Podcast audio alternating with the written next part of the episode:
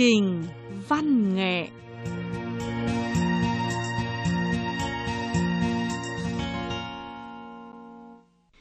Các bạn thính giả và các bạn cư dân mạng thân mến, hoan nghênh quý vị và các bạn thưởng thức chương trình văn nghệ cuối tuần trên sóng đài phát thanh quốc tế Trung Quốc.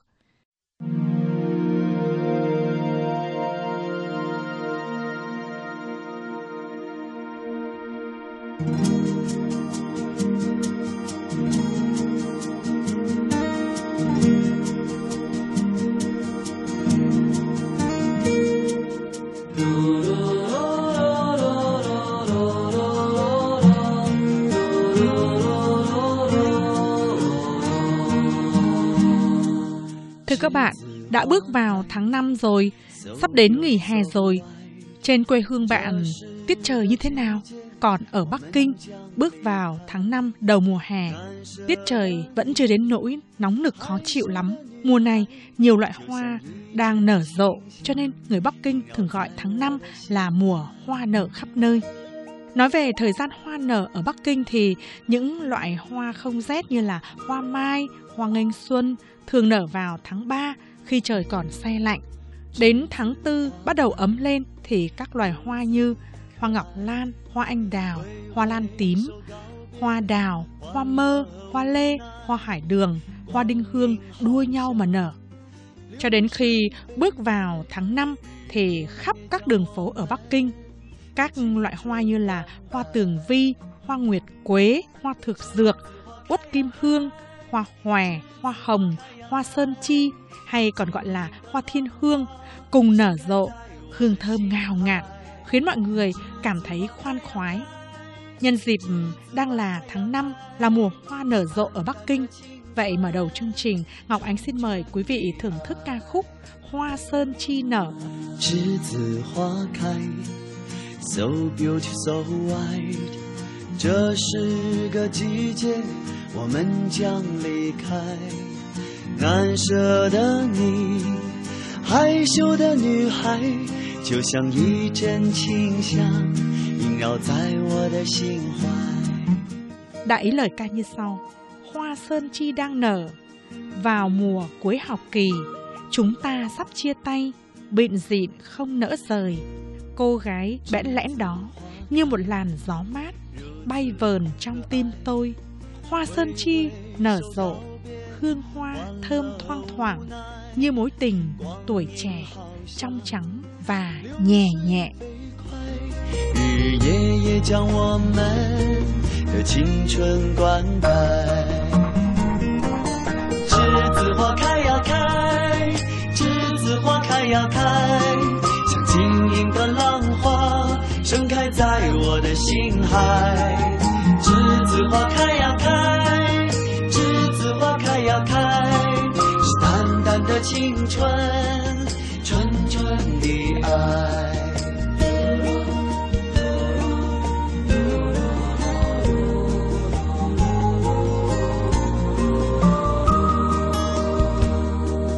栀子花开，如此可爱。挥挥手告别，欢乐和无奈。光阴好像流水飞快，日夜也将我们的青春灌溉。栀子花开呀开，栀子花开呀开，晶莹的浪花盛开在我的心海。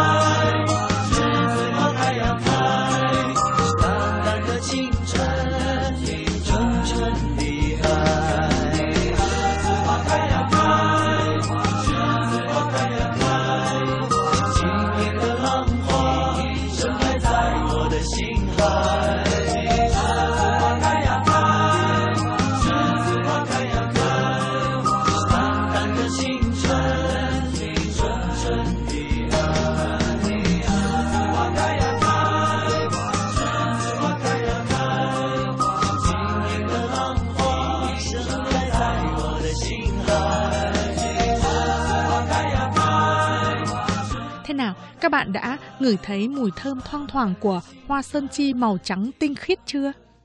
Thưa các bạn, ở Đài Loan Trung Quốc có một ban nhạc mang tên là Trời tháng năm rất là nổi tiếng. Trường ban nhạc này là một tay chơi đàn guitar có biệt hiệu kỳ lạ đó là quái thú. Giọng ca chính của ban nhạc tên là A Tín. Một tay chơi guitar khác có biệt hiệu là thạch đầu có nghĩa là hòn đá. Tay chơi bass tên là Ma Sa và một tay trống tên là Khâu Hựu hợp thành. Tính đến tháng 6 năm 2012, ban nhạc Trời tháng 5 đã 4 lần đoạt các giải thưởng về ca khúc vàng Đài Loan và giải ban nhạc xuất sắc Đài Loan Trung Quốc.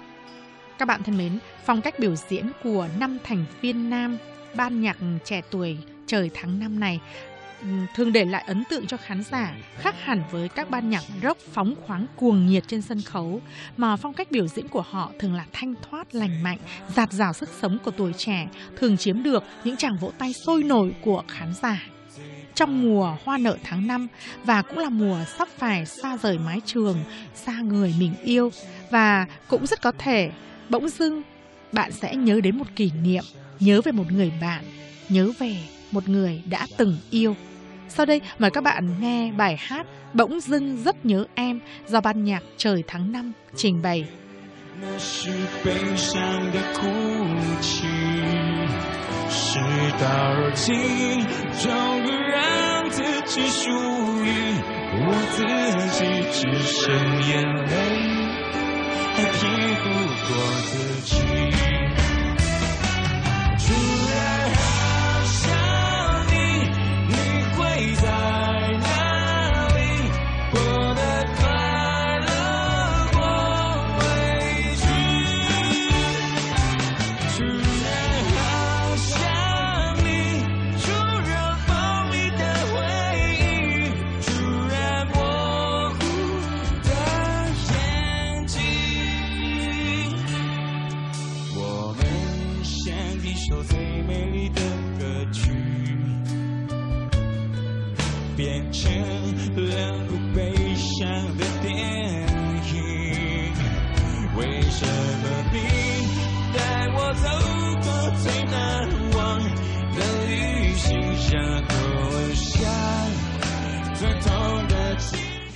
Bỗng dưng rất nhớ em, liệu em đang ở đâu, vui vẻ hay buồn giàu? Chúng ta như bài ca mượt mà, hóa thành hai bộ phim sầu thương. Cớ sao em đưa anh đi một chuyến khó quên?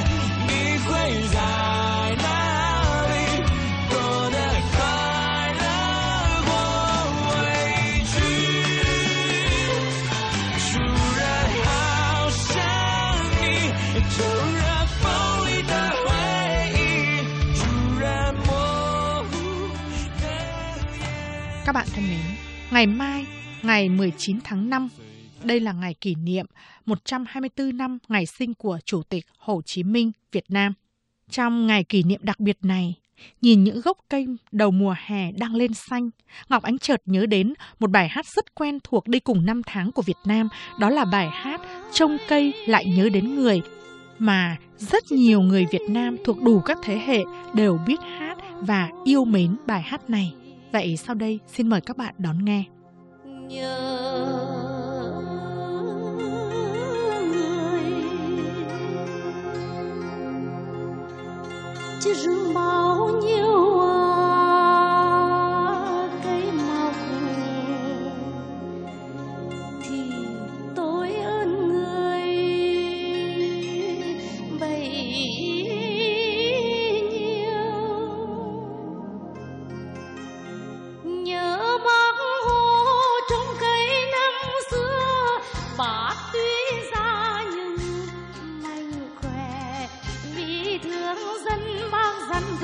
cằn kè ươm mầm xanh ta như mẹ thương con.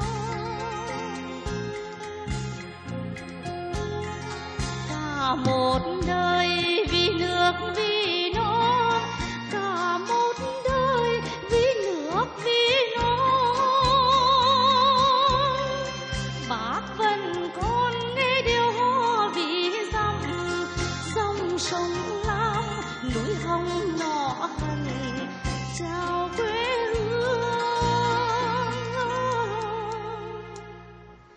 bác dặn lại ngỡ rồi? Bác vẫn còn như màu xanh bật tự tình yêu thương, núi đồi ấp ủ, rừng cây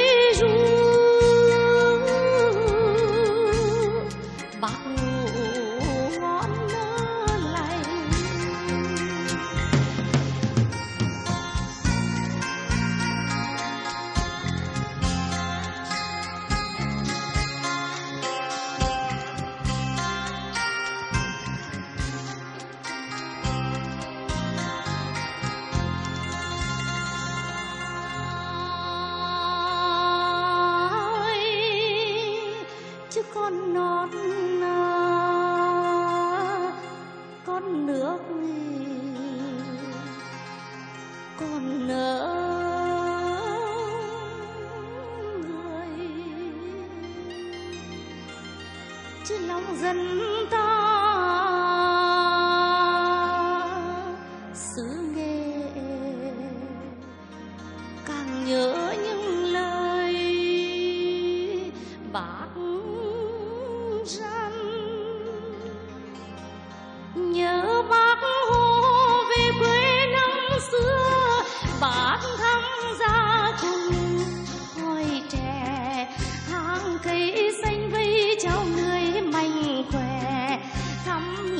sen thêm yêu cả giang sơn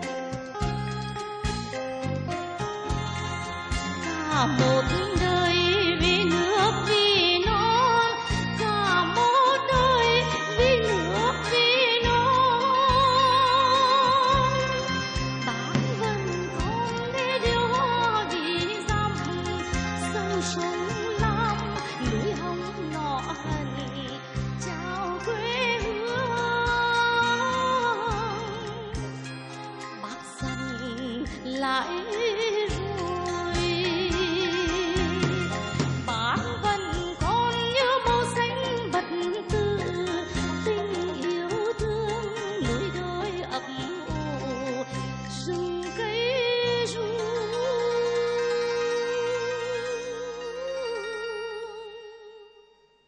Thưa các bạn, trong suốt 60 năm cuộc đời bôn ba vì cách mạng của mình, có trên một nửa thời gian là Chủ tịch Hồ Chí Minh ra nước ngoài hoạt động đi tìm chân lý cách mạng. Trong đó, Trung Quốc là nơi người dừng chân lâu nhất và cũng là nơi người cùng các nhà cách mạng tiền bối Việt Nam đưa ra nhiều quyết sách quan trọng cho vận mệnh dân tộc Việt Nam. Đó cũng chính là năm tháng hai đảng và nhân dân hai nước Trung Quốc Việt Nam hoạn nạn có nhau, kề vai sát cánh cùng chống kẻ thù chung và cũng là thời kỳ hai đảng và nhân dân hai nước Trung Việt xây đắp nên tình hữu nghị sâu sắc. Sau đây, mời quý vị và các bạn nghe bài hát Đêm Trường Sơn nhớ bác. Đây là một bài hát trong thời kỳ kháng chiến chống Mỹ của Việt Nam. cháu nhìn chân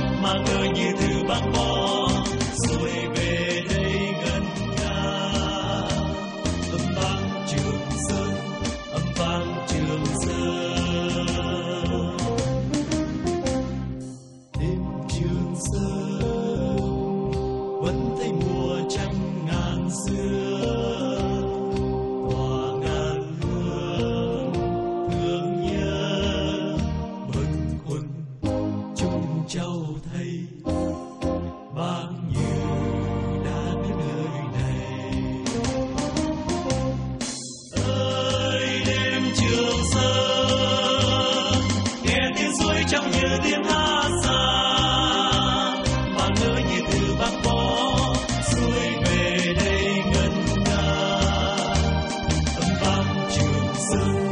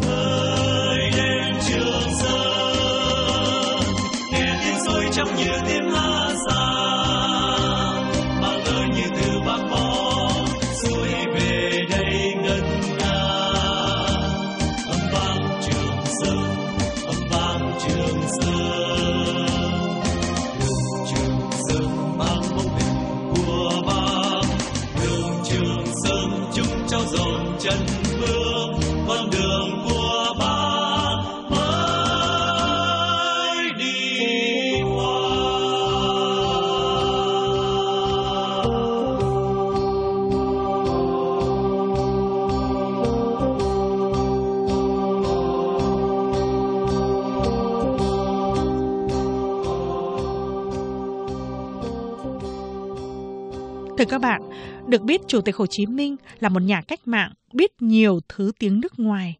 Nhà sử học Mỹ Stenson sau khi tìm hiểu cho biết Chủ tịch Hồ Chí Minh thông thạo những 12 thứ tiếng, trong đó người thành thạo nhất vẫn là tiếng Trung Quốc và tiếng Pháp. Người không những nói giỏi tiếng phổ thông Trung Quốc mà còn nói thành thạo cả tiếng Quảng Châu Trung Quốc nữa.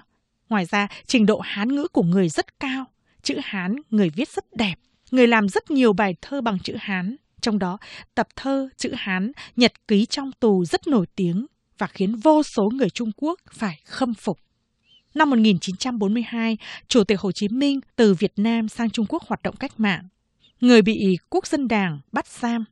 Trong thời gian từ cuối tháng 8 năm 1942 đến trung tuần tháng 9 năm 1943, người lần lượt bị đày đến giam tại các nhà tù ở các nơi Tịnh Tây, Thiên Bảo, Quả Đức, Nam Ninh, Vũ Minh và Quế Lâm, Quảng Tây Trung Quốc.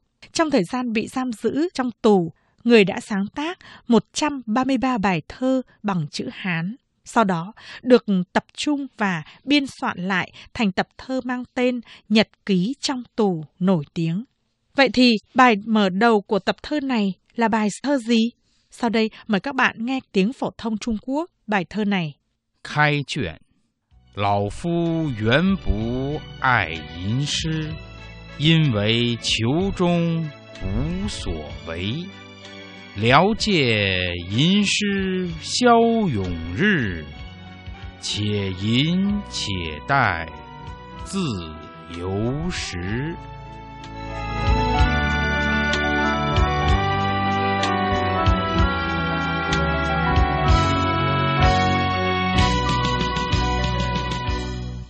Hai quyển lão phu nguyên bất ái ngâm thi, nhân vị tù trung vô sở vi, liêu tá ngâm thi, tiêu vĩnh nhật, thả ngâm, thả đãi, tự do thì. Mở đầu tập nhật ký, nam chân dịch. Ngâm thơ ta vốn không ham, nhưng vì trong ngục biết làm chi đây? Ngày dài ngâm ngợi cho khuây, vừa ngâm vừa đợi, đến ngày tự do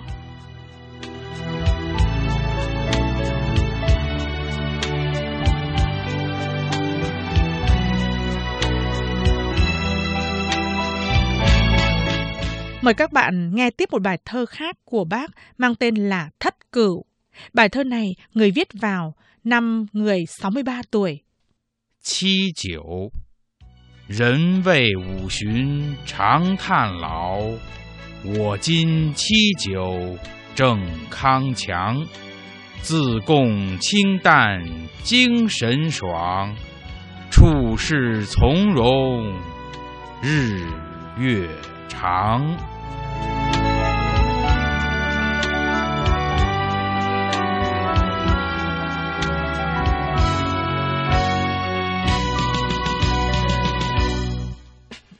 Cửu, nhân vị ngũ tuần, thường thán lão, ngã kim thất cửu, chính khang cường, tự cung thanh đạm, tinh thần sảng, tố sự thung dung, nhật nguyệt trường. Sau đây, ngọc ánh xin đọc bài thơ này do xuân thủy dịch. Chưa năm mươi đã kêu già, sáu ba mình vẫn nghĩ là đương trai sống chen thanh đạm nhẹ người. Việc làm tháng rộng ngày dài ung dung.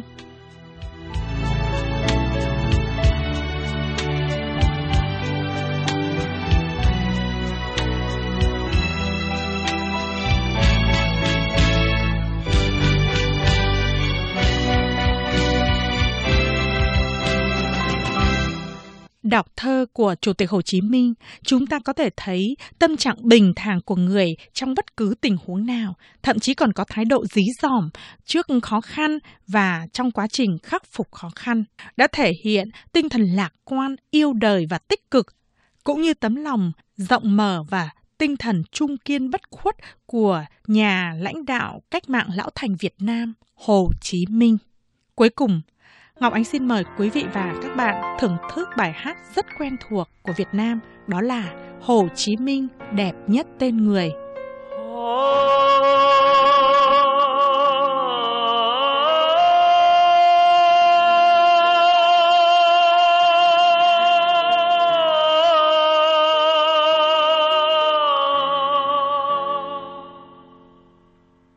tôi hát ngàn lời ca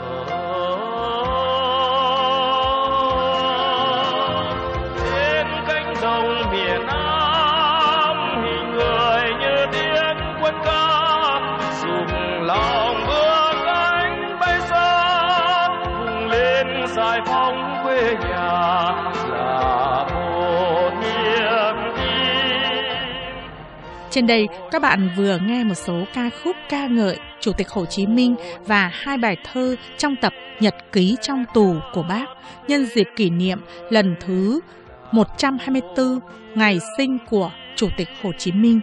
Chương trình văn nghệ cuối tuần đêm nay xin tạm ngừng lại ở đây. Hẹn gặp lại các bạn vào giờ này tuần tới.